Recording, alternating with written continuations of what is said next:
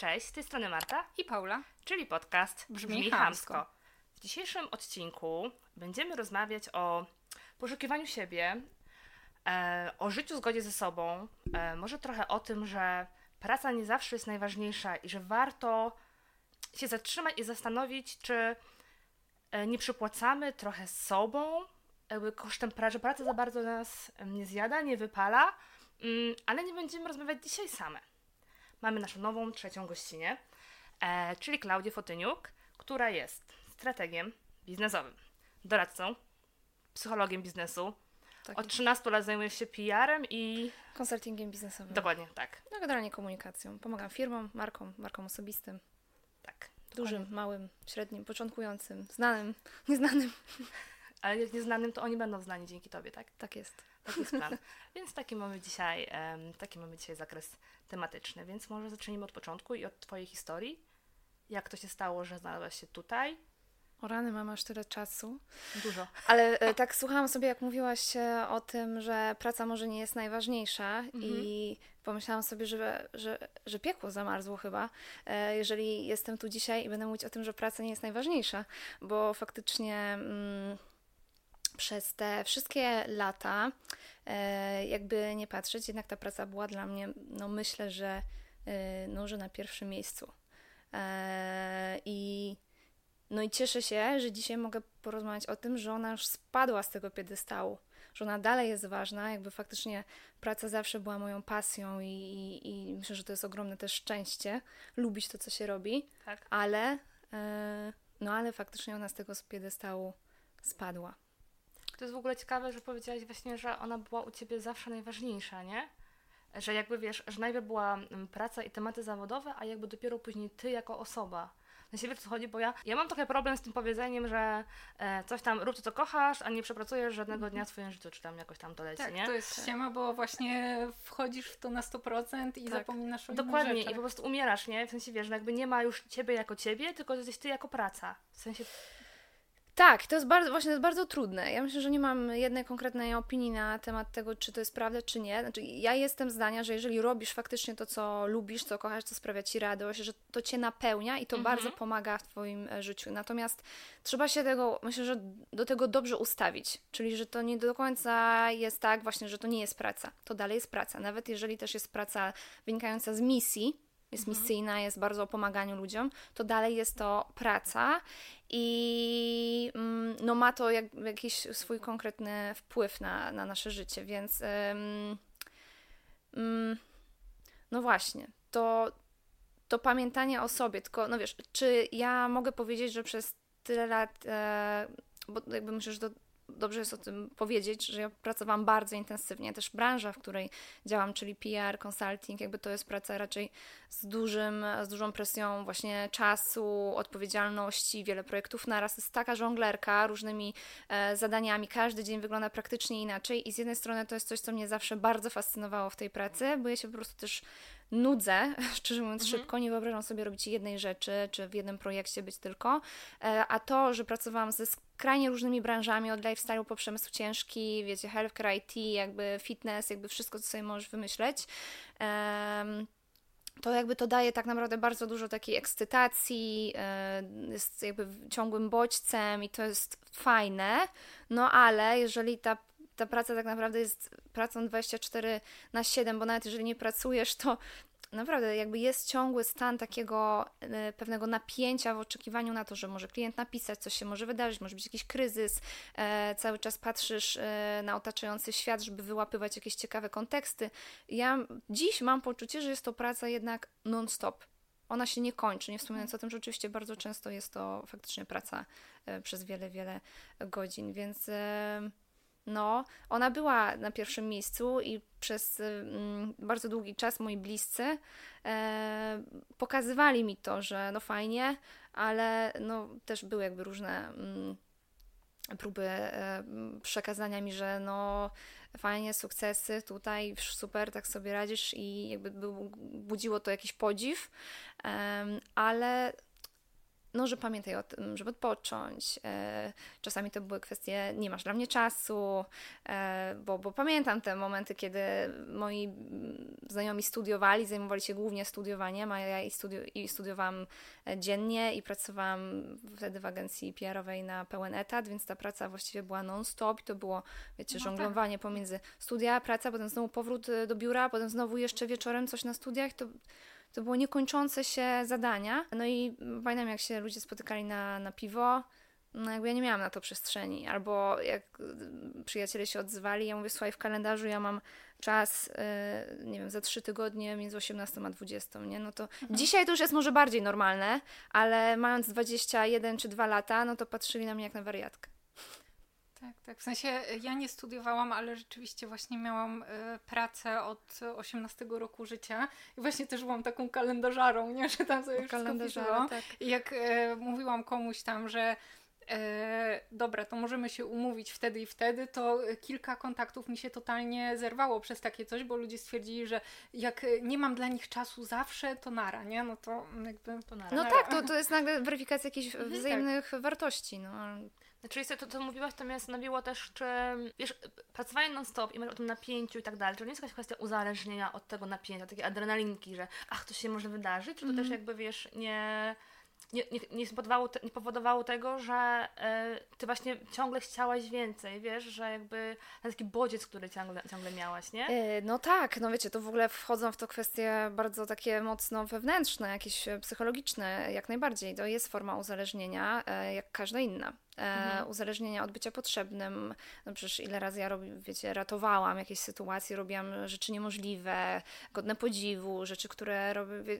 Chociaż ja nigdy tego tak nie postrzegałam to ludzie tak to postrzegali. Ja dzisiaj może o tym tak to mówię, ale ja nigdy nie postrzegałam tego jako jakieś super sukcesy, jako że to jest coś fajnego. Nie bardzo mocno umniejszałam tym rzeczom, więc to, e, to, to, też nie jest tak. Ja dzisiaj o tym mówię zupełnie z inną pewnością i świadomością tego, że wow, faktycznie jakby to, to, to były rzeczy niesamowite, ale. Mm, e, I tak, uzależnienie od czasu tak zwane jest w ogóle taka, e, coś takiego jak uzależnienie od czasu, czyli e, uzależnienie od tego, że masz wszystko poukładane, e, że musisz być zajęta, no wiecie, to właśnie ten, ten kult bycia zajętym, im mhm. więcej robisz, tym jesteś ważniejszy, mhm. właśnie poczucie bycia ważną, niezastępowalną, to, to jest coś, co na pewno co karmiło i co było mi w tamtym momencie na, na pewno bardzo potrzebne. Mhm. Ale było obciążające, nie? Bo, jakby tego, bo ja myślę, że jakby właśnie, e, tak jak ty mówisz, właśnie być, właśnie być w tych poczuciach różnych, to ja nie, w sensie dla, uważam, że to jest mega obciążające psychicznie. Ale tego nie widzisz. Ja to wiem tak, z perspektywy tak. właśnie czasu, a wtedy oczywiście, ja pamiętam jak byłam zmęczona, pamiętam jak nie jadłam, nie spałam i e, pamiętam jak mój organizm chociażby e, się mhm. buntował, wiecie, zawroty głowy i tak dalej. Ja mówię, dobra, nie, bo to, co dla mnie było najważniejsze, to było, ja mam ogromne poczucie odpowiedzialności mhm. e, wobec ludzi, wobec danego słowa, wobec projektów i to jakby jest dla mnie naprawdę bardzo wysoka jakaś taka wartość dużo, przez wiele lat dużo ważniejsza niż słowo dane samej sobie. Mm, I to myślę, że też jest taka znacząca różnica. Jeżeli miałabym wskazać coś, jak w sobie właśnie, nie wiem, budować tą karierę w zgodzie ze sobą, to przecież wcale nie oznacza, że masz nie pracować, nie robić, nie poświęcać się, bo żeby osiągnąć, nie wiem, jakiś sukces, coś wypracować, cokolwiek tym sukcesem jest, to wymaga poświęcenia, to wymaga jakiegoś wyjścia z komfortu i ciężkiej pracy. Ale uważam, że można to zrobić mądrzej. To tak jak opowiadasz, to dałaś sobie takie po prostu tempo naprawdę e, wysokie, nie? No tempo, tempo na maksa. No nie mówię, że to całe, wiecie, lata były uciskania, bo w mhm. ogóle super rzeczy robiłam i byłam szczęśliwa i wszystko było fajnie, więc z perspektywy czasu wyciągam gdzieś te wnioski i teraz mówię, mm, można inaczej. Myślę, że można inaczej, można spróbować inaczej i że ja dzisiaj chcę inaczej.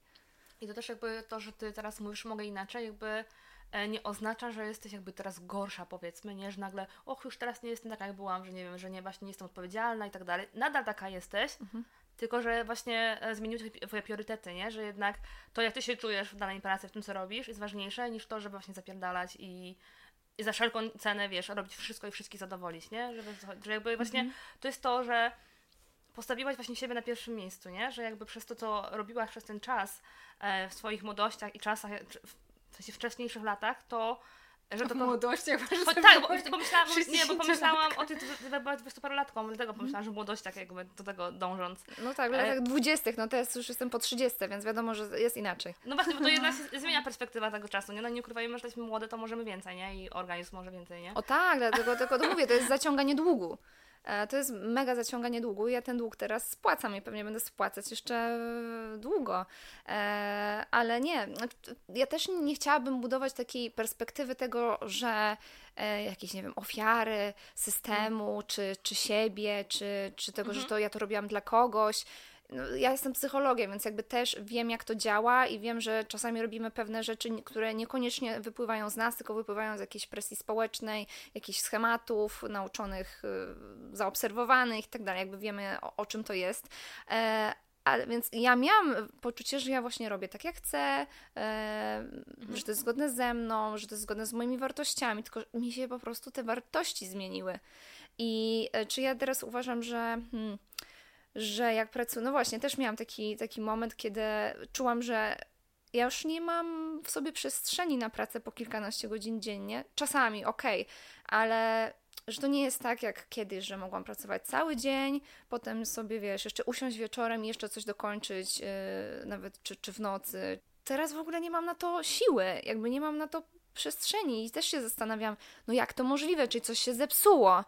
Mhm. A, I też jakby mi tłumaczono, że, że to po prostu organizm nie działa już w tym uzależnieniu, nie działa w tym uzależnieniu od kortyzolu, że jedziesz mhm. ciągle po prostu na kortyzolu, który uśmierza ci ból w pewnym sensie też. Um, znieczula. E, więc e, dlatego kiedyś być może mogłam pracować inaczej, e, bardziej intensywnie, ale w takim spalającym też, e, w spalającej formule. No a teraz mm, jakby nie ma na to też przestrzeni. Mam nadzieję, ale wiem, że trzeba być uważnym. Z pracoholizmem, słuchajcie, uważam, że jest jak z każdym innym uzależnieniem i na, będąc na odwyku, trzeba być uważnym na te pokusy.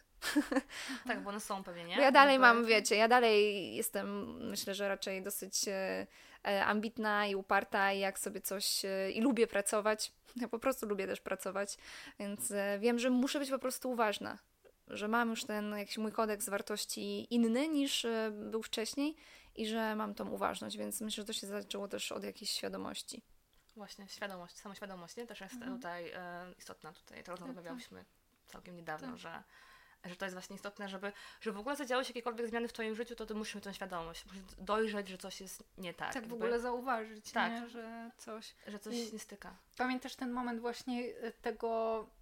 Wiadomo, że to nie będzie konkretny dzień, nie? Ale właśnie jak zaczęłaś czuć, że może coś trzeba zmienić, albo warto by było? Znaczy, pierwszy taki moment, e, przez to, że właśnie bardzo intensywnie zaczęłam pracować jeszcze na od razu po maturze, bo od razu weszłam bardzo intensywnie już w taką pracę stricte jakby kierunkową. Byłam w, w mediach, na różnych stażach, oczywiście to, to musiało być jeden, dwa, trzy staże na raz. Mhm. E, potem od razu ta intensywna praca, więc, więc w sumie e, jeszcze podczas e, studiów przeszłam takie pierwsze książkowe wypalenie zawodowe i byłam w szoku, że będąc jeszcze, wiecie, na psychologii, nie zauważyłam tego, jakby co się dzieje, będąc w tym takim intensywnym trybie. I to było dla mnie wow, że jakby naprawdę po trzech, po, czy po trzech czy czterech latach pracy zawodowej e, już jakby to myślałam, że ludzie mają to około 40, nie wiem, jakiś kryzys wieku średniego czy coś takiego, kiedy naprawdę się już napracowali to było trudne, ale mm, to mi też, to był pierwszy taki sygnał, że, mm, że jest jakaś nierównowaga, no bo o czym też jest to wypalenie zawodowe? Jest jednak o jakiejś nierównowadze. I ale to jeszcze nie, to jeszcze nie sprawiło, że zeszłam z tej ścieżki, bo jakby miałam po prostu taki moment faktycznie gdzieś tam próby zmiany kierunku, e, czym swojego myślenia i na pewno dało mi to jakąś świadomość, ale nadal jeszcze Y, szłam dalej w, w tą stronę. Więc jakby przenosząc się troszeczkę bliżej tego czasu tu i teraz, bo, bo choć za mną jakby bardzo fajne lata też w pracy, jednak na swoich e, zasadach w dużej mierze, bo, bo też miałam mm, przyjemność, przywilej przez ostatnie lata współtworzyć e, boutique consultingowy, więc jako partner też, e, partner zarządzający miałam okazję, no mówię, w dużej mierze pracować ze swoimi zasadami ale to jeszcze było może zbyt mało. E, plus myślę, że właśnie kwestia zaciągania tego długu e, energetycznego, jakiegoś, jakiejś takiej wytrzymałości też e, sprawia, że jednak w końcu przychodzi ten moment, w którym jest jakby już, już nie możesz iść dalej. I u mnie ten moment przyszedł um, i on się zaczął um, zaczął od, właśnie od sygnałów z ciała. 3 e, czy 4 lata temu dowiedziałam się, że mam endometriozę i to było jakimś takim znaczącym momentem, chociaż w tamtym momencie jeszcze się tym aż tak nie przejęłam.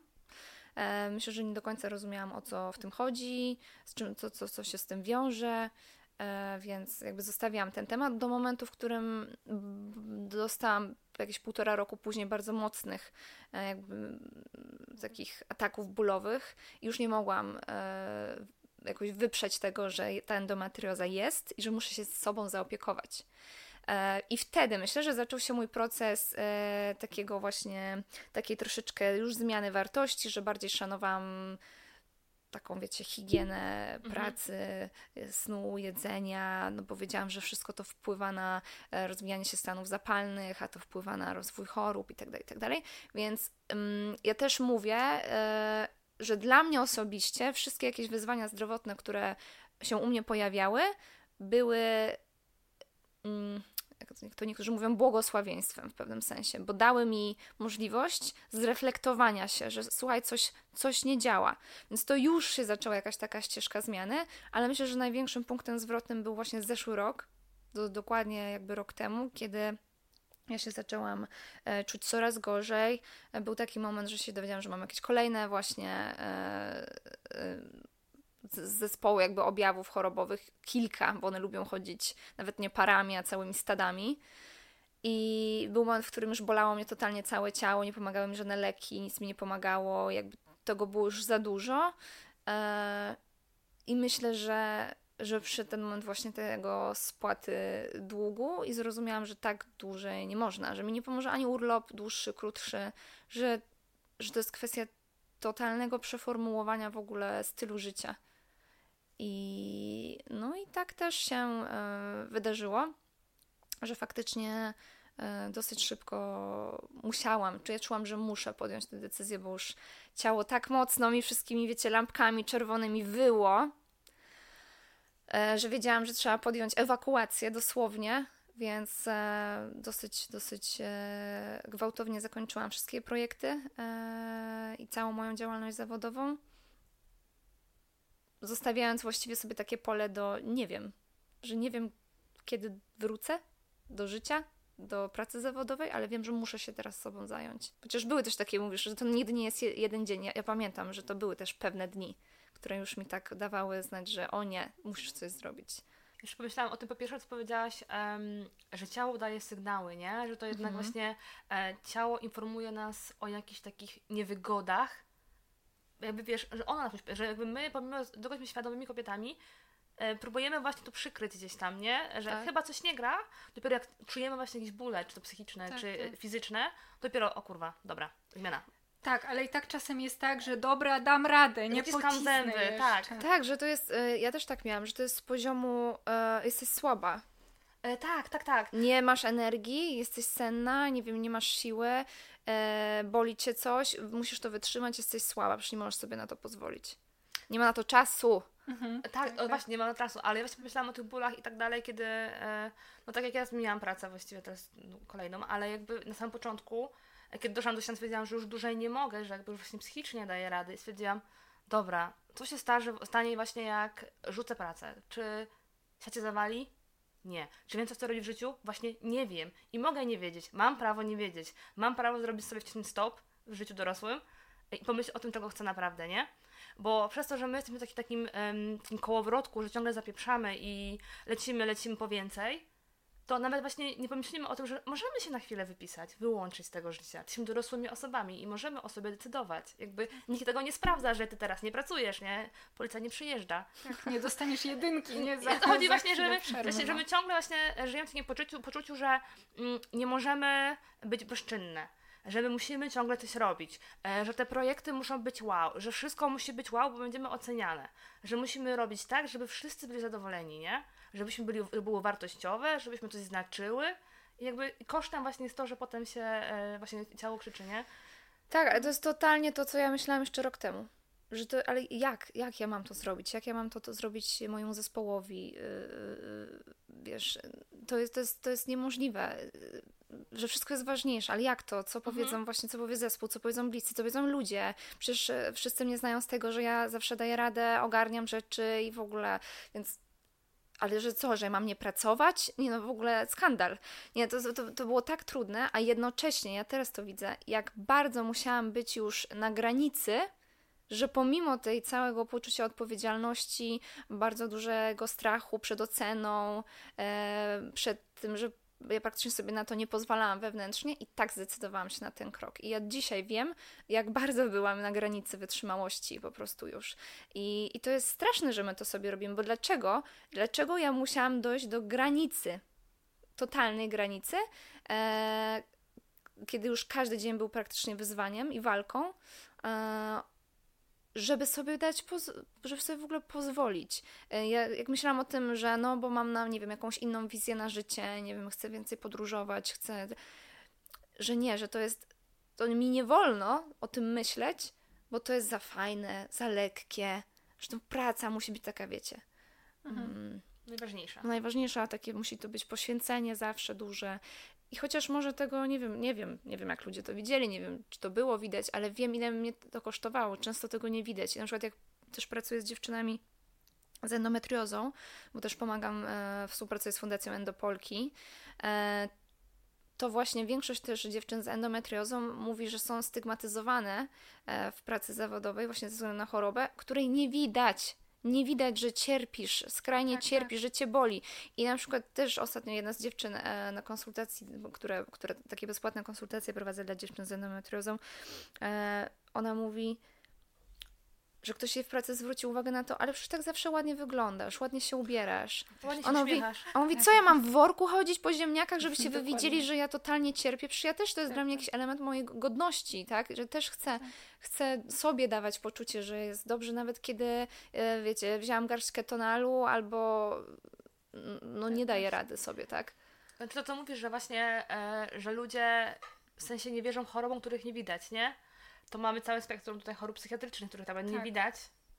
Więc jakby to jest niemożliwe, że tobie coś jest, nie? Jakby, tak, no zwłaszcza, że się umalujesz, uśmiechniesz, nie tak, ubierzesz tak. ładnie. A w środku umierasz, nie? A wiecie, jak to jest bardzo dużo osób, które są super pozytywne, tak naprawdę bardzo cierpią mhm. e, i, i, często nie pokazują tego. Ja też jestem osobą, która nie mówi o, o, swoich problemach zazwyczaj. Im bardziej się uśmiecham, tym myślę, że e, bardziej chcę też przykryć to. Um, czy może wcześniej tak było? No bo właśnie, nie masz tego przyzwolenia, ja nie miałam tego przyzwolenia w sobie na to, że w ogóle mogę mieć coś, jakąś trudność, ze wszystkim tak, sobie tak. daję radę. I to jest bardzo trudne dla takich osób i znam też takie osoby i, i wiem... E, że to jest też trudne, bo nie dajesz sobie pozwolenia na poproszenie o pomoc. Mhm. E, to jest bardzo też o karaniu siebie za to, że pokazujesz, dajesz sobie tą słabość. Pamiętam, jak ja się uczyłam odpoczywać jeszcze kilka lat temu ja się uczyłam odpoczywać. Poleżenie e, z książką przez pół godziny, no to musiała być to książka, która mnie rozwijała, uczyła, wiecie, to już był jakiś pierwszy krok. Mhm. Potem mogły być to,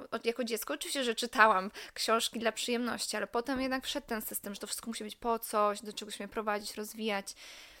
I, i wow, jakby dlaczego?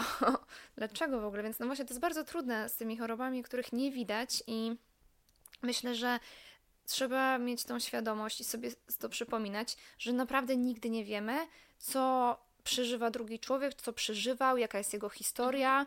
Bo ja też się spotkałam z bardzo różnymi reakcjami faktycznie e, na tą moją intensywną jakby zmianę, bo ja finalnie też nie funkcjonowałam zawodowo przez pół roku.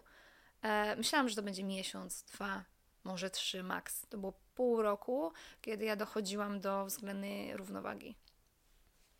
No ale to był czas, który po prostu drogo potrzebowałaś tak naprawdę. Myślę, że gdybyś potrzebowała więcej tego czasu, to by po prostu byłabyś przez dłuższy czas po prostu wyłączona zawodowo, nie? Jakbyś potrzebowała więcej niż pół roku, że jakby to pół roku byłoby niewystarczające jeszcze, nie? Mhm.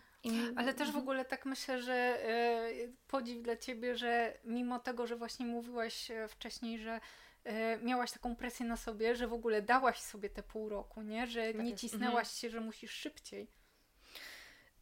Mm miałam takie myśli i to, było, to była taka walka. No słuchaj, jesteś przez ileś lat całe swoje życie w jakimś schemacie, z którego wychodzisz.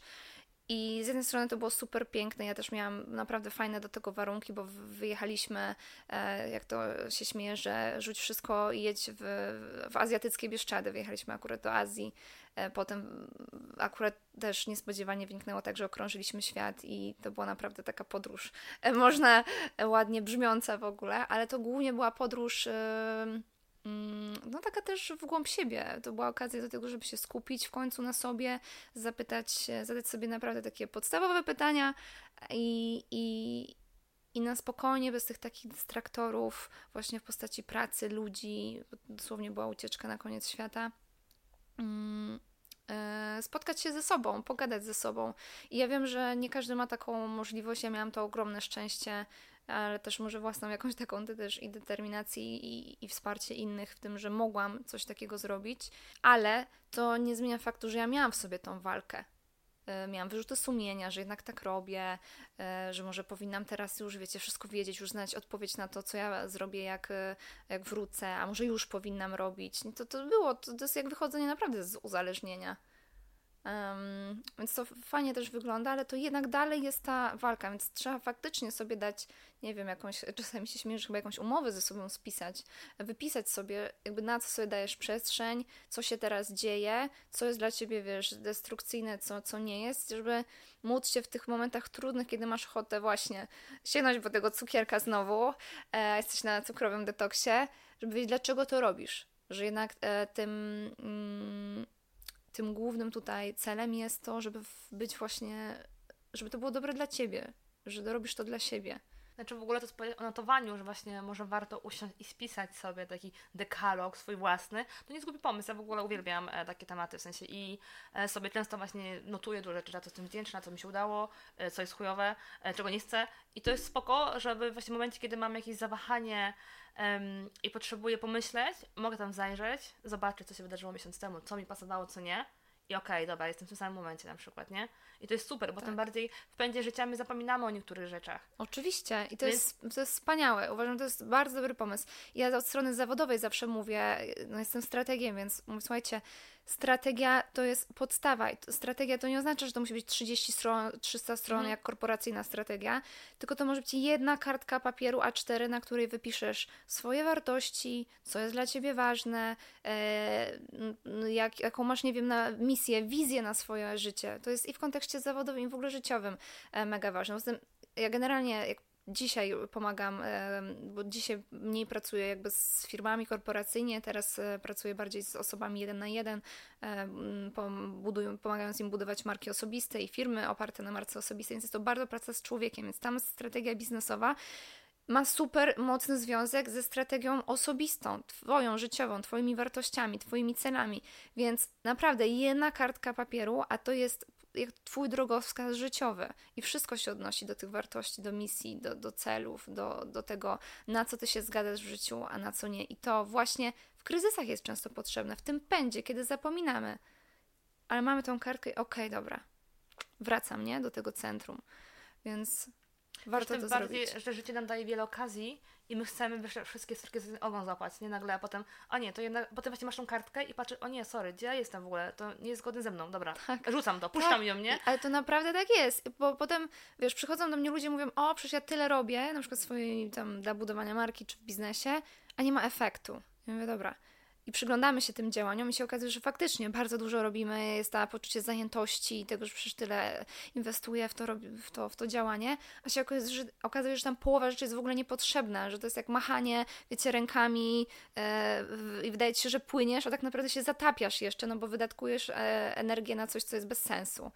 Więc taka, taka strategia pomaga nam to przejrzeć, czy, czy to, co robię w życiu, i to można właśnie do życia zawodowego też odnieść, mhm. czy to jest zgodne z moimi wartościami, zgodne z wizją życia. Mhm. Więc tak, my polecamy zrobienie sobie takiej e, strategii, tym bardziej na początek roku, więc fajnie akurat zaplanować sobie jakieś działania na tak. ten 24 i zobaczyć, gdzie jesteście, gdzie chcecie być za rok, w przyszłym roku. Powiedziałaś właśnie, że pomagasz ludziom z um, robieniem tych strategii. E, że strategie biznesowe przekładają się też właśnie na życie prywatne i z tą wiedzą Twoją na dzień dzisiejszy właśnie do czego może doprowadzić takie no nadwyrężenie do organizmu, jakby nie patrzeć, e, od czego tak naprawdę zacząć, w jaki sposób może nakierować sobie to swoje życie, tą swoją karierę, czy w ogóle styl życia. Mhm.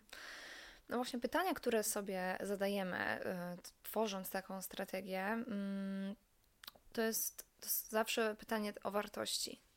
I to tak naprawdę, żeby się nad tym zastanowić, bo to jest w sumie, wiecie, niewiele tak naprawdę ważnych pytań, ale nie tak łatwo się na nie odpowiada. W ogóle jedno z pierwszych pytań, które zadaję każdemu, z kim zaczynam pracować, y, to jest to, kim jesteś. I połowa osób to rozwala na łopatki. Trudne pytanie chciałam powiedzieć właśnie, mega tak, trudne tak. pytanie. Tak, coś, Kim coś jesteś, jak się przedstawiasz? Sobie, tak, typu, no jestem tym i to robię to i to tym się mhm. zajmuję. No już pomijając fakt, że potem pracujemy nad tym, żeby to to jedno zdanie było dokładnie esencją podkreślającą wszystko Twoje wyróżniki, było odpowiednim komunikatem, no już jakby na poziomie takim faktycznie strategicznym. Ale no to już y, często powoduje głębokie rozkminy no dobra, to kim ja jestem właściwie? Mhm. Dlaczego ja robię to, co robię? To jest też ważne pytanie. Dlaczego ty robisz to, co robisz? Bo ja cały czas uważam, że bardzo ważne jest też komunikacyjnie e, znaleźć odpowiedź na to, e, znaleźć w ogóle to swoje dlaczego w życiu. E, czyli dlaczego się tym zajmuję, dlaczego to robię, czy ja mam w tym jakąś misję, czy to karmi mnie, e, czy to ma karmić ludzi, bo na przykład pomagam ludziom w tym i tym, nie? Um, pytanie właśnie o, o swoją wizję życia. Jak sobie wyobrażasz swoje idealne życie? No i teraz ten rozjazd często pomiędzy tym, gdzie jesteśmy, a ta mhm. idealna wizja, no jest duży, ale to wiadomo, super, jakby dążymy do czegoś. Tylko, że czasami się pojawia od razu takie, nie, ale ja na pewno nigdy tego nie zrobię, albo nie mogę sobie na to pozwolić. No, kto to widział, żeby, nie wiem, żyć e, jako nomad cyfrowy cały, cały rok? Znam mnóstwo takich osób, mnóstwo takich osób, e, które mają, które, które mają zupełnie inną wizję życia i tak żyją i to realizują i są w tym szczęśliwi niż to, którą, nie wiem, my, my tu znamy na co dzień. Więc da się, ale też widzę u wielu osób właśnie te blokady w tym, że nie mogę sobie na to pozwolić. Więc ta wizja życia jest bardzo ważna dla poczucia spełnienia, ale też w ogóle dla układania sobie strategii biznesowej, bo kiedy się dowiaduję, że ktoś chce no tak naprawdę, tylko to właśnie to jest często mówione dopiero po tych wszystkich dziesięciu zdaniach, wiecie, no wiesz, ale tak naprawdę to właściwie myślimy z mężem, żeby za trzy lata się wyprowadzić chociaż z pół roku mieszkać w Hiszpanii. Mówię, no to on, to jakby Twoja strategia na rozwój, Twój biznesowy, powinna już teraz uwzględniać to, że Ty chcesz na przykład, że nie może to być uzależnione tylko od Twojego biznesu stacjonarnego. Teraz, a nie za, wiesz, dwa lata czy za trzy lata nagle, jak Ty już będziesz chciała tam wyjechać. Więc e, dlatego ja bardzo mocno drążę zawsze temat wizji życiowej. E, dużo uważam też jest zawsze o talentach, bo wchodzimy czasami w robienie rzeczy, no wiele osób robi coś, co nie rodzice wysłali na takie i takie studia. Mało osób w ogóle idzie na studia, bo tak czuło, że to jest ich spełnienie marzeń. Ja miałam to szczęście, że ja zawsze chciałam studiować psychologię i, i, i studiowałam psychologię. Wiedziałam o tym, wiecie, od gimnazjum, że ja będę, e, będę szła na psychologię. Mm.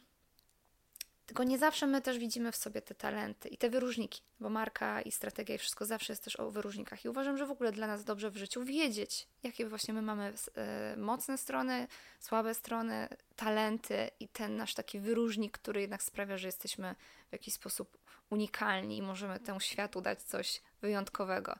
I to może tak szumnie brzmi, ale naprawdę na bazie tego się tworzy potem bardzo konkretne biznesowe strategie i w ogóle roz strategie rozwojowe w życiu. Dla mnie to jest jedno. Wiecie, ja żyłam pracą i myślę, że dalej w pewnym sensie nią żyję e, i nie wyobrażam sobie oddzielać, mówić, no w moim życiu zawodowym to jestem tym, a w życiu prywatnym to jestem tym, jestem inna. Wiadomo, że przyjmujemy jakieś trochę role, czasami trochę maski, no ale to nie może być skrajnie. Jeżeli to jest mhm. skrajnie oddzielone, a, a też spotkałam na swojej e, drodze życia takich ludzi, którzy uważali, że mają to rozdzielone, tak się długo nie pociągniesz. No jakbyś miała, wiesz, dwie osobowości, no to, to, no to jest tak, trudne. Tak. No właśnie miałam taką myśl, e, właśnie na ile i na ile właśnie budowanie mojej marki powinno być właśnie spójne, wiesz, na ile to jest właśnie budowanie, robienie jakiegoś biznesu, na ile bycie sobą, nie? W sensie, no wiadomo, że e, nie musisz teraz się odzierać z prywatności, wiesz, prywatności, wszystko To w ogóle nie jest o odzieraniu się z prywatności. to chodzi, tylko właśnie, żeby się nie zagubić w tym, żeby właśnie, bo ja uważam, że nic nie przyciąga ludzi autentyczność, no bo jeżeli kreujesz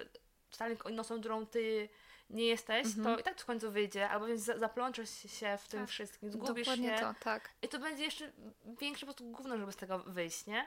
Tak, dokładnie tak. I ja wiem, że teraz słowo autentyczność jest strasznie taka wyświechtana, mhm. ale naprawdę to jest o autentyczności.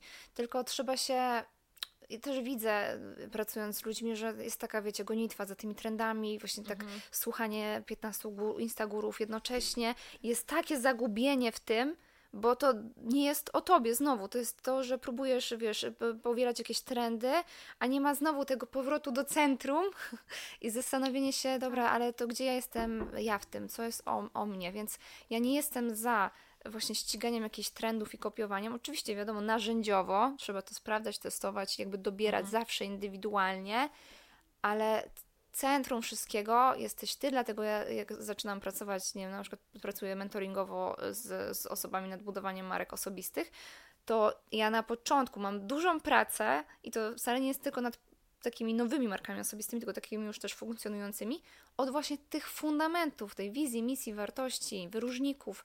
Bardzo wiele osób nie ma, nie widzi swoich wyróżników. E, I ja akurat uwielbiam szukać wyróżników i chyba to są też moje talenty, że mam taki radar. E, ja bardzo chyba dobrze wyłapuję mm, różne niuanse u ludzi i, i jakiś ich potencjał. E, to jest chyba moja ta część taka psychologiczna, która jednak we mnie jest i szalenie mi pomaga. I potem na bazie tego budujemy już takie rzeczy mocno biznesowe. I ja absolutnie wierzę w to, że im bliżej jesteśmy w marce osobistej, w ogóle w budowaniu firmy siebie, i ja to też widzę po dużych firmach. To nie jest tylko tak, że to jest, mówię o malutkich jakichś działalnościach, e, tylko też ja to sprawdziłam na dużych firmach. Im bliżej jest to takich realnych wartości, nieprzekopiowanych i takich autentycznych, gdzie mhm. ja też głównie pracowałam z właścicielami firm, zarządami, niezależnie od skali jakby tej firmy im bliżej tam jest tak naprawdę realnie do tych wartości, tym w ogóle to jest skuteczniejsze działanie, bo ty, ty, ty masz inną energię, ty inaczej działasz, ty masz przekonanie do tego, e, ludzie cię inaczej odbierają, to jest zupełnie inny poziom budowania wartości, e, budowania relacji e, też, więc ja jestem ca, zdania, że jest, e, że nie ma innej drogi niż budowanie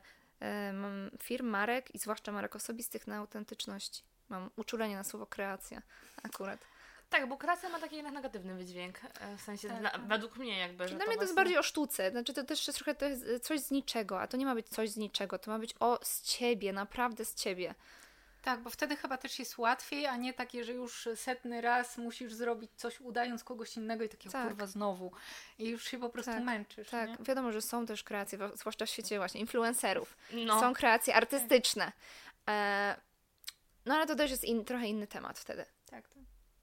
Ja jeszcze pomyślałam o tym, co mówisz, że, um, że każdy z nas ma jakieś wyróżniki swoje, nie? Że e, tylko pomyślałam o tym, że jakby u nas jest problem z tym, że my, znaczy jest takie przekonanie w społeczeństwie, że my nie możemy się chwalić, że coś mamy w sobie super, że nie powinniśmy mówić, że jesteśmy jacyś tam, że mamy jakieś umiejętności, talenty, bo nie wypada to nie jest mile widziane, bo wtedy wiesz, jesteś albo jesteś zarozumiała, albo jesteś wyniosła, albo jakaś tam, jakby, że według ym, klucza my powinniśmy być cicho, my nie mamy wartości, my się nie wyróżniamy, tak. my nie, nie mamy talentów, my nie potrafimy nic super. Jesteśmy po prostu przeciętnymi ludźmi. Tak, i ciężko właśnie jakby wejść w ten tryb, żeby w ogóle zacząć szukać, nie? Tak. Zacząć się zastanawiać nad tym. E, tak, myślę, że tak jest. I to jest zadziwiające, że osoby, które odnoszą super sukcesy, dalej, słuchajcie, mają te same mm, wyzwania w postaci właśnie czasami ogromnej skromności, ale taki aż, wiecie, właśnie z przegięciem, taki już mhm. e, braku pewności siebie. E, to często osoby, które, które na zewnątrz wyglądają na bardzo ogarnięte, pewne siebie, no jednak odnoszą te sukcesy, więc no jakoś tam idą siłą rozpędu, ale w środku jest bardzo często tej niepewność siebie, jest y, syndrom oszusta bardzo często, um, overthinking właśnie, że a to jeszcze jest niedostatecznie takie, a co powiedzą inni, strach przed oceną, jakby to jest coś, z czym ja się w ogóle mierzę na co dzień w pracy z, z, z ludźmi nad ich biznesami, więc to jest w ogóle niesamowite, jak ogromną częścią pracy nad biznesem jest praca nad sobą. Tak. Nad mięciutkim po prostu, wiecie, wnętrzem drugiego człowieka, a dopiero potem jak to ogarniemy troszeczkę, chociaż cały czas trzeba to ogarniać. Ja też się z tym mierzę cały czas, mając jednak dosyć, myślę, dużą samoświadomość i w ogóle świadomość mechanizmów i tak dalej e, to jest praca właśnie nad, nad sobą, potem nad biznesem, nad komunikacją. I myślę, że połączenie tych trzech rzeczy jest e, E, wiecie, jest ten. A w ogóle jak znaleźć swoje wyróżniki? To też myślę, że może właśnie jest to jest fajny ciekawe, temat. Właśnie, tak. mam zapytać Ciebie, bo zaproszałaś ten temat, bo ja sobie robiłam Galupa, to jest Galupa właśnie, mm -hmm. poszukiwanie talentów. No to jest super, tak. Tak, i to jest dla mnie super, ja bardzo mocno polecam wszystkim, którzy nie wiedzą, jakie mam talenty. I... Właśnie czekam na promkę. tak, bo mnie to bardzo tworzyło i e, jakby zbudowało trochę moją pewność siebie, okazało się, że coś potrafię, że jednak to, co ja coś robię... Potrafię. Coś Jak, jakie masz talenty, pamiętasz? E, Pierwsze? to wizjonera mam pierwszego. Aha, aha. Więc jakby zgadzam się z tym, jakby z tym, że tak działam i ogarniam. Mm, rzeczywiście bardzo mi to pomogło, e, ale też widzę wśród ludzi, że mm, ludzie trochę traktują, traktują takie właśnie talenty z takim trochę śmiechem. Mm -hmm. Ja miałam tego sytuację świeżą akurat w pracy, E, że coś tam jeden pracownik robił i ja mu odpowiedziałam, a on do mnie, no to jest takie wizjonerskie. I ja mówię, bo mam wizjonera na z szyderą to było. A, a on do mnie tak myśli, on no wiem, już widziałam taką właśnie szyderą. Ja sobie myślę, kurwa, człowieku, nie? Jakby, hello, no jakby powiedziałam to, bo wiem, że to mam i jakby jest to moja mocna strona, a twój mhm. komentarz jest totalnie zbędny. Tak, tak. Nie Więc... pytasz się go o pozwolenie, nie żeby wygłosić. W ogóle wiesz, nie? I tak właśnie szyderą i to bardziej w ten sposób, co mi no. dziwi. Ale wiesz, no to jest, to dla niego jest z niekorzyścią, tak. że on nie chce z tego korzystać, a, ale no rozumiem, że to jest trudne i bolesne, kiedy inni z tego się śmieją, ale no, no ty korzystając z tego wiesz, ile to ci dało, jaką ci to dało wiedzę o tym, co, y, jak możesz sobie pomóc, albo właśnie jak to wykorzystać. I test Galupa jest super. Ja też robiłam test Galupa i wcześniej, e, pomimo tego, że no, świat rozwoju osobistego jest mi bliski, bo psychologia i tak dalej, to ten test Galupa tak, no dobra, dobra. Gdzie tak jakoś patrzyłam na to trochę powierzchownie, zrobiłam sobie i wyciągnęłam go po jakimś tam dłuższym czasie z szuflady, właśnie podczas tej mojej podróży, wiecie, mentalnej i nie tylko.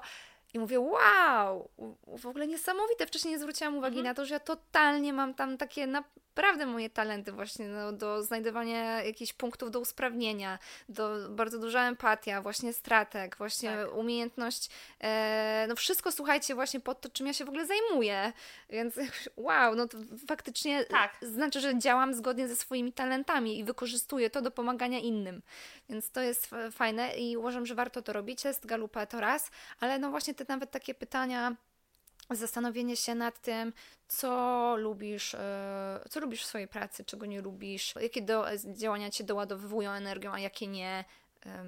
E, warto też czasami zwrócić uwagę na to, co mówią o nas y, inni, oczywiście mhm. z takim filtrem trochę też, ale bo inni czasami widzą w nas to, czego my nie widzimy, czyli nie wiem, o ty, Paula, jak ty to zorganizujesz, e, wiesz, i jakieś tam przyjęcie, no to wszystko jest zapięte na ostatni guzik, albo nie wiem, tak uwielbiam do ciebie przychodzić na herbatę, zawsze czuję się tak bezpiecznie, mogę się wygadać, wiesz, to są takie drobne rzeczy, o które mówią o nas nasi bliscy, współpracownicy, pra, e, pracodawcy, obojętnie kogo tam mamy i warto to sobie, wiecie, my tego często nie zauważamy. I warto, e, ja czasami daję taką pracę domową w ogóle moim klientom, żeby podpytali o to bliskich, podpytywali, podpytali o to swoich klientów, dlaczego oni się decydują na pracę z nimi, co lubią, co nie lubią w tym, e, dlaczego. Więc jakby zbiór tych wszystkich takich informacji może dam, nam dać czasami niesamowite informacje o naszym właśnie wyróżniku, którego my możemy w sobie nie widzieć. Tak, tylko to właśnie też tutaj właśnie wchodzi, mam wrażenie, i ta właśnie samoświadomość i pewność siebie, nie? Bo to, że ludzie właśnie mówią, czy tobie się czuje tak i tak, ty robisz to super i tam, a to ty właśnie mówisz, tak, no, nie, przestań, no, daj spokój, nie? Na pewno nie, oj, tak mi się udało przypadkowo, nie? Tak, Coś tak. takiego. Więc to jest właśnie kwestia jednak świadomości i pewności siebie, nie? E, żebyś wiedziała, że to jest rzeczywiście coś, co cię wyróżnia tak, tak. i że to, że ktoś to ciebie mówi, że właśnie przy tobie się czuje tak, albo ty robisz coś tak super, to nie jest jakby przekłamane, ani to nie jest szyderą, tylko naprawdę tak się przy tobie czuję, nie?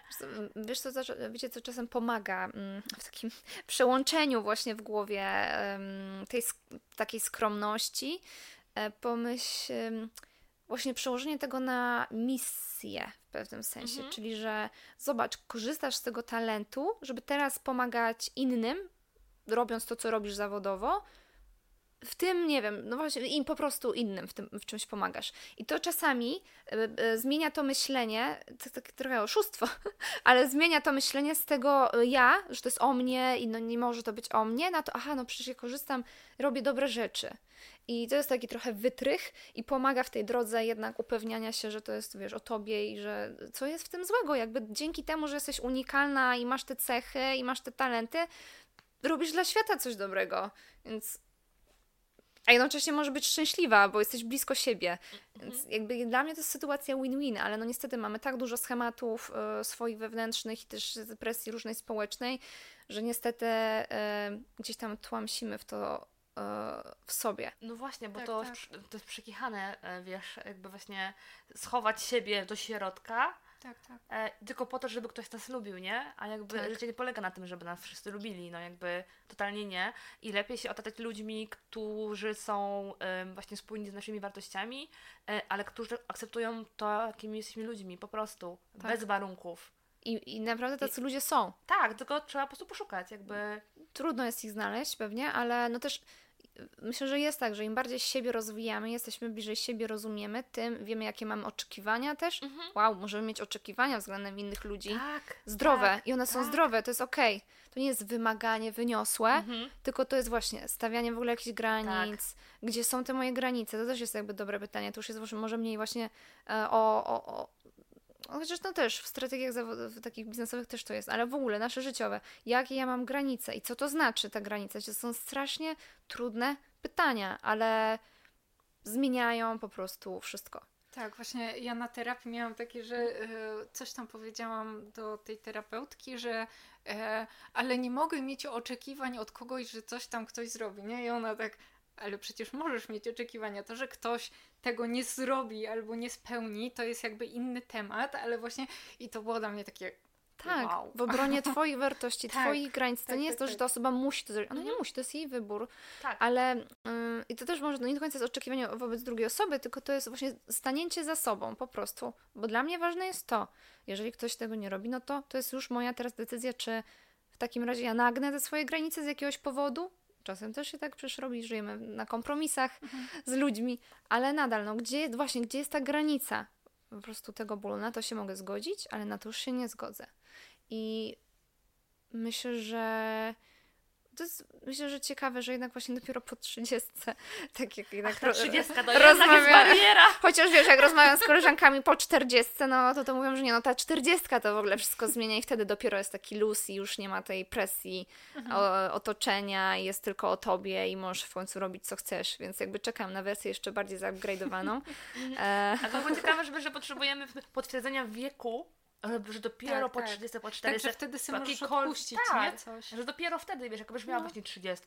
Mm, bo jak nie masz 30, to jesteś jeszcze, wiesz, głupia. A po 30 już dorosła, dojrzała, możesz wszystko robić. Nie, nie, nie, po nie 40... możesz, bo jeszcze nie masz męża i dzieci, nie? Więc to jeszcze jest nie ten etap. Dobra, no po 40 dopiero, tak? No co tak. Nie, ale no A jak wnuki to... będziesz mieć, to, to wtedy zobaczysz. zobaczysz. Nie, jest... A może mogę nie mieć? Dobrze w ogóle, nie? Tak, tak. O, jak to? Ja chcę tak. spokój. Mogę nie mieć psa, mogę nie mieć dziecka, mogę nie mieć męża. Tak, jak to? No. Nie, daj spokój w ogóle. Skończona jesteś już. Społeczeństwo, koniec. Nie da się tak żyć. Nie, a naprawdę, jest to śmieszne, że mm, kiedy my nie chcemy powtarzać jakichś schematów, właśnie mm, takich społecznych, to ludzie robią takie i wiesz, że im w mózgu się kotłuje, nie? Że nagle, ojejku, można inaczej serio mogę inaczej żyć, że jakby... Ale wiesz, niektórzy nie są w stanie w ogóle tego przyjąć, to się nie mieści w ich, yy, no. w ich pudełku i ja też już zrozumiałam, teraz dopiero, chociaż bolało mnie i trochę dalej mnie bolą reakcje ludzi, na przykład właśnie na moje e, drastyczne zmiany, bo już ludzie cię znają w jakiejś formie, a ty nagle robisz coś totalnie innego, nieprzewidywalnego. No i error, nie? No jakby mhm. jak się do tego odnieść, więc tak psychologicznie to, to też rozumiem, że są takie reakcje, ale... Ja teraz mam poczucie takie, że zawsze chciałam, żeby ludzie mnie zrozumieli, więc na przykład tłumaczyłam, ale dlaczego, że dlaczego wolno mi teraz odpocząć, wiesz, przecież ja mhm. pracowałam po tyle godzin i tak dalej, tak ciężko przez tyle lat, więc mi wolno, wiesz, jak wszyscy chodzili na piwo na studiach, to ja już, wiesz, 5 lat miałam doświadczenia, więc mi wolno teraz, a ja już przestałam tłumaczyć, bo ja już wiem, że miło by było, żeby wokół mnie byli ludzie, którzy rozumieją, z czego to wynika i tacy są. Oczywiście nie na 100%, no nikt nie jest w stanie Cię zrozumieć na 100%. No Sama się nie rozkminiasz na 100%. Ale mm, że nie musi rozumieć. I nie jest mi to potrzebne. Ważne, że ja mniej więcej ogarniam, o co mi chodzi. Eee, I to jest najważniejsze, bo na koniec dnia ja zostanę na pewno ze sobą, więc ja muszę działać w zgodzie ze sobą. Tak, ale też to tłumaczenie, co mówisz, to jest też kwestia um, takiego stawiania barier, nie? I ogólnie właśnie taki dystans, robiąc taki dystansu z ludźmi, bo um, że my się to musimy tłumaczyć, że chcemy odpocząć, że nie przyjdziemy, bo coś. Nie po prostu, nie, dziękuję, kropka, tylko tak, nie, bo tak, coś tam, tak. ale zrobię to później. E, cokolwiek, jakby wiesz, że nie kończymy na właśnie nie i tyle, tylko my właśnie lecimy dalej, bo jakby jest jakaś głupia potrzeba tłumaczenia się tak. w komuś ze swojej decyzji. Jesteś no. ciągle w, w, napięciu właściwie tak. tym. Jest właśnie, i co stąd te wszystkie napięcia, że wiecznie żyjesz z tymi napięciami. Tak, że wiesz, wiecznie kogoś zadowolić, właśnie przede wszystkim wszystkich dookoła, a na końcu dopiero siebie, nie? Tak, że jakby... Tak. Że ci wolno, nareszcie wolno ci odpocząć, nie? Albo tak. coś zrobić dla tak, siebie. Widzicie, musi się zawsze coś wydarzyć, bo jak ktoś mi nawet, że dobrze wiem od wielu lat, że trzeba stawiać na siebie na pierwszym miejscu, musisz się pokochać i tak dalej. Ale ile razy ja o tym myślałam, dobra, ale jak? Jakby kompletnie nie wiem, jak to zrobić. Jakby to jest gdzieś tam daleko, nie wiem, w ogóle ciemność to jednak jest proces po prostu życia. Jakby no. musisz, wiesz, ileś razy się wywalić, zranić e, sama albo dostać i, i, i wtedy to gdzieś tam przychodzi, ale to w końcu przyjdzie. Oby szybciej niż później, bo jakość e, życia się zmienia, mam nadzieję też, jakby cały czas, że tak to będzie, ale jest, e, to po prostu przychodzi i wtedy wiesz, że to już jest bliżej ciebie. Więc zamykając tę bardzo inspirującą rozmowę, naprawdę, ja po prostu mam w głowie, mi się mhm. kręci, bo wiem, co będę robiła e, właściwie w styczniu i w całym, całym roku, jakie mam plany na siebie i utwierdzam się w tym, że jest to dobra droga. Możemy powiedzieć, że po pierwsze jest ważne, żebyście żyły w zgodzie ze sobą, swoimi wartościami i zrobiły sobie właśnie taki przegląd według wskazówek Klaudii, czyli odpowiadam na pytanie właśnie, kim jesteście, co jest dla Was ważne, dokąd zmierzacie, dlaczego robić to, co robicie, co chcecie robić. Więc poświęćcie sobie właśnie jakiś czas, weźcie sobie kartkę, długopis, ewentualnie na komputerze, jeżeli wolicie, i zróbcie sobie taki przegląd głowy. Myślę, że Chcesz coś dodać? Nie, tak, dokładnie to są te pytania, też tak mi się teraz przypomniało, ja to nazywam trochę taką strategiczną checklistą i mhm. ja ją głównie um, wykorzystuję w kontekście zawodowym, ale tak jak już powiedziałam, dla mnie to się łączy, mhm. więc e, taką strategiczną checklistę też można gdzieś znaleźć u mnie na Instagramie, więc może okay. to jest jakaś e, ściąga podlinkujemy na podlinkujemy. pewno w opisie, więc Tak, spoko. że może to po prostu pomóc. To są takie te kluczowe pytania i one, chociaż one brzmią tak, wiecie, banalnie, no ale ja, ja już dobrze wiem, co one robią w głowach i jak bardzo pomagają, więc no polecam. Polecam sobie to robić jakoś tam cyklicznie, więc myślę, że ten przełom roku, e, początek roku jest super w ogóle momentem na to. Tak, oczywiście um, zapraszamy teraz na dalszą część naszego odcinka, czyli podcastowy klub książki. Param, pam, pam, pam. tak. E, cóż, mam e, ze sobą książkę, która tak się trochę uśmiałam, jak dzisiaj czytałam sobie okładkę e, i tu jest napisana książka, która może uratować Ci życie. I strasznie się uśmiałam do siebie dzisiaj, ponieważ ta książka uratowała mi życie, tak uważam, właśnie w zeszłym roku. I to jest książka o tytule Kiedy ciało mówi nie, Gabora Mate. Lekarza, który zauważył powiązanie różnych e, emocji, głównie wypieranych, traum, ale, ale też e, właśnie działanie stresu, bardzo tak medycznie na pojawianie się różnych chorób. I to jest niesamowite, książka, która bardzo otwiera oczy i wręcz tam na przykład jest taka stawiane pytanie, czy można zdefiniować osobowość nowotworową. On po prostu zauważył, że ludzie, którzy mają konkretne choroby typu nie, jakieś stwardnienie rozsiane, nowotwory i tak dalej, że mają e, bardzo podobne zbiory cech i sposobów zachowania. I to jest niesamowite. I mają podobne historie życiowe. Bo on po prostu zaczął jako lekarz, e, który pracował zarówno jako lekarz rodzinny, z dziećmi, nad uzależnieniami też, ale też e, jako lekarz opieki paliatywnej, więc mam chyba przeszedł przez wszystkie etapy mhm. ludzkiego życia, e, zaczął zadawać ludziom pytania o ich historię życia, o dzieciństwo. No i e, okazało się, że to jest medycznie bardzo mocno powiązane, z, zrobiono mnóstwo badań, które wykazują, że e, nasza historia i nasze właśnie niestawanie e, w, przy sobie e, no po prostu może prowadzić do do dramatycznych różnych um, zdrowotnych wyzwań, jak ja to mówię. Nie lubię mówić chorób. Nie zawsze to jest choroba, ale no są to wyzwania, więc e, mnie zdecydowanie ta książka uświadomiła, że ciało mówi mi nie, ono wręcz krzyczy mi nie na wszystkie możliwe sposoby, bo ja go nie słucham. I posłuchałam. Więc ta książka zdecydowanie zmieniła mi życie i wpłynęła na to, że e, stanęłam jeszcze mocniej przy sobie, więc polecam. E, są tam jakieś e, odnośniki do badań i tak dalej, w sensie... Jest naszpikowana badaniami na maksa, więc tam jest, e, tam to nie jest tylko takie, jak niektórzy mówią, psychololo. E... Okej, okay, właśnie zastanawiałam się, czy... Nie, jest bardzo mocno o badaniach, jest bardzo mocno, są historie ludzkie, okay. ale jest bardzo mocno o badaniach, o wnioskach, jest mnóstwo badań. Okay, to może być... Jest też e, troszeczkę o endometriozie, o wszystkim, o, o, różnych chorobach i o zapaleniu, je, o jelicie drażliwym, o, o astmie, wiecie, naprawdę jest o bardzo różnych chorobach autoimmunologicznych i o nowotworach. Myślę, że jest to bardzo otwierająca oczy książka. Myślę, bardziej dla osób, które są w takim trochę roz, rozstaju, że rzeczywiście ciało ich alarmuje, że coś nie gra, nie? Tak jak ty powiedziałaś, że uratowała cię, no bo jakby twoje ciało krzyczało, że dosyć. Tak. I też to może być dla, otwierać bardziej oczy. Tak, nie? bo ciało, on tam tłumaczy, dlaczego ciało mówi, y, jak ciało daje nam sygnały, co to znaczy, jak je odczytywać też, y, jak można się ustrzec przed pewnymi rzeczami. Bardzo mówi też dużo właśnie o powiązaniu zdrowia psychicznego i troski takiej o właśnie o, o o wyjście z różnych schematów, w których każdy z nas jest. Jak to y, gdzieś też widziałam, każdy z nas jest tam był akurat chory, ale nie wszyscy są zdiagnozowani. Każdy z nas ma jakieś swoje wyzwania, ma swoją historię, ma swoje ciężary. Warto się z nimi jakby zapoznać, zbudować właśnie tą świadomość, o której też mówiłyśmy, bo wszystko się zaczyna od świadomości. Jak masz świadomość, no to możesz podjąć decyzję, co z tym zrobić i zacząć szukać narzędzi. I naprawdę nie musi być w życiu tak, jak jest. Może być inaczej może być inaczej, więc bardzo polecam tą książkę. Myślę, że jest w niej mnóstwo ciekawostek. Chociaż nie, nie, bywa niełatwa momentami, ale jest, jest naprawdę ciekawa. Ja chcę polecić e, książkę trochę łatwiejszą, w sensie e, łatwiejszą, trochę mhm. mniej e, taką właśnie. Czy ma fabułę? To jest taka, właśnie nie wiem, czy w sensie ona jest, to jest sekretne życie pobożnych kobiet Diszy Fili. Aha. Nie wiem, czy to dobrze czytuję. To jest książka tak naprawdę składająca się z takich opowiadań. Mhm. E, niektóre są krótsze, niektóre są dłuższe, ale generalnie wszystkie e, traktują o kobietach wierzących, mhm. mocniej lub mniej. Pomacam. Proszę bardzo.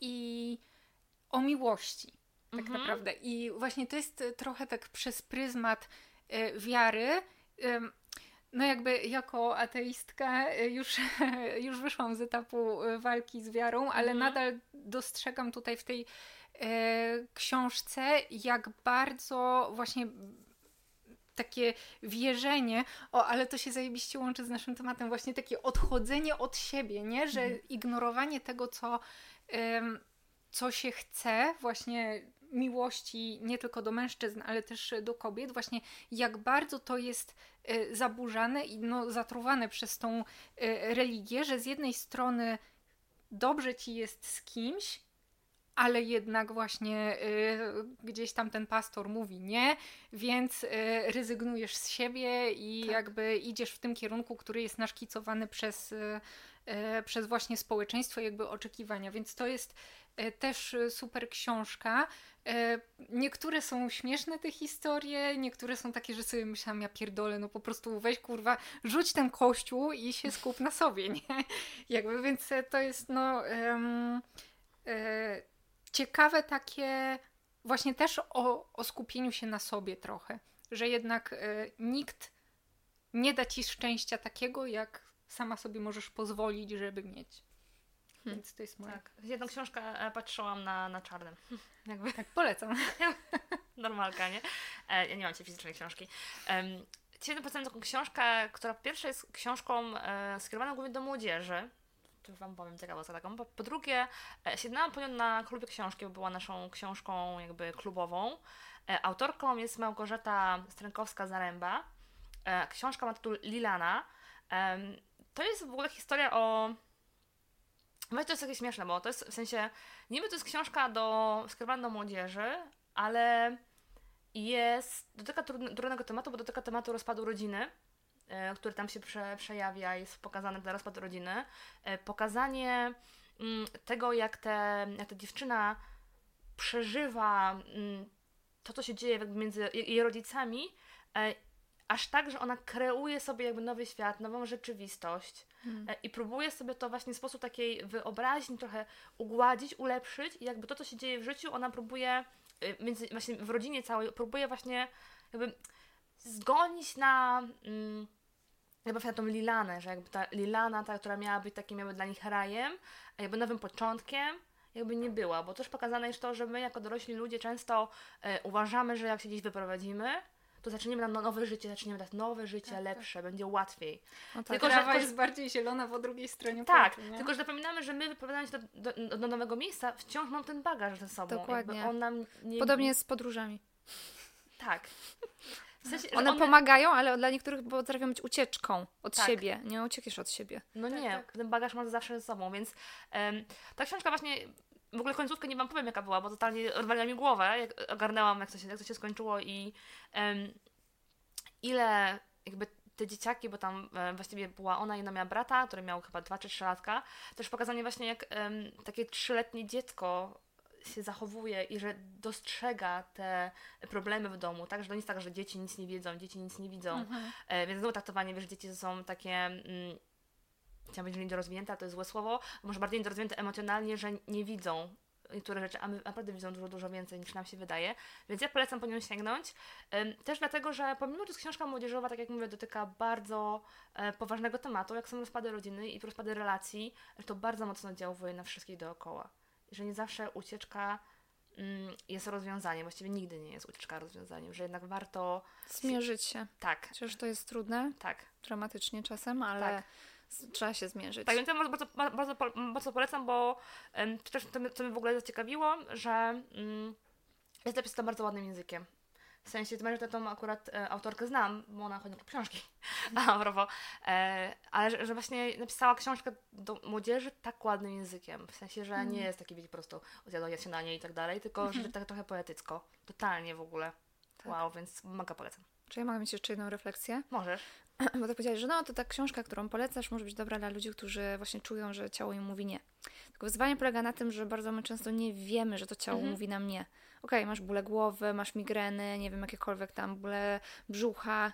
Bardzo często nie łączymy tego z tym, tak. że to jest jakiś sygnał od naszego ciała. Tak. A ciało właśnie nam daje sygnał. I ta książka tak naprawdę pomaga też, może pomóc zdać sobie sprawę z tego, że to jest sygnał z ciała. I myślę, że to mi po prostu też było dla mnie dobitne takie, chociaż wydawało mi się, że jestem w miarę świadoma już tego, że to jest właśnie sygnał z ciała. Słuchaj, pos posłuchaj go, bo jeżeli go nie posłuchasz, ona mnie trochę też przestraszyła. Jeżeli nie posłuchasz, to badania pokazują, że jest bardzo prawdopodobne, że może się wydarzyć to i to i to. I to jest właśnie też o, o tym wypieraniu, właśnie ta twoja książka, Paula, o której wspominałeś, że, tak, że, że jak wypierasz siebie, swoje, swoje wartości, mm, bo na to naprawdę jedną z głównych cech ludzi, którzy dostają, e, co badają na choroby nowotworowe, choroby autoimmunologiczne, jest wypieranie gniewu, wypieranie emocji, jest people pleasing i e, wszystko to, co nam się przydarza też. Więc no, e, polecam nawet tym osobom, które. Polecam wszystkim i myślę, że każdy znajdzie coś tam dla siebie.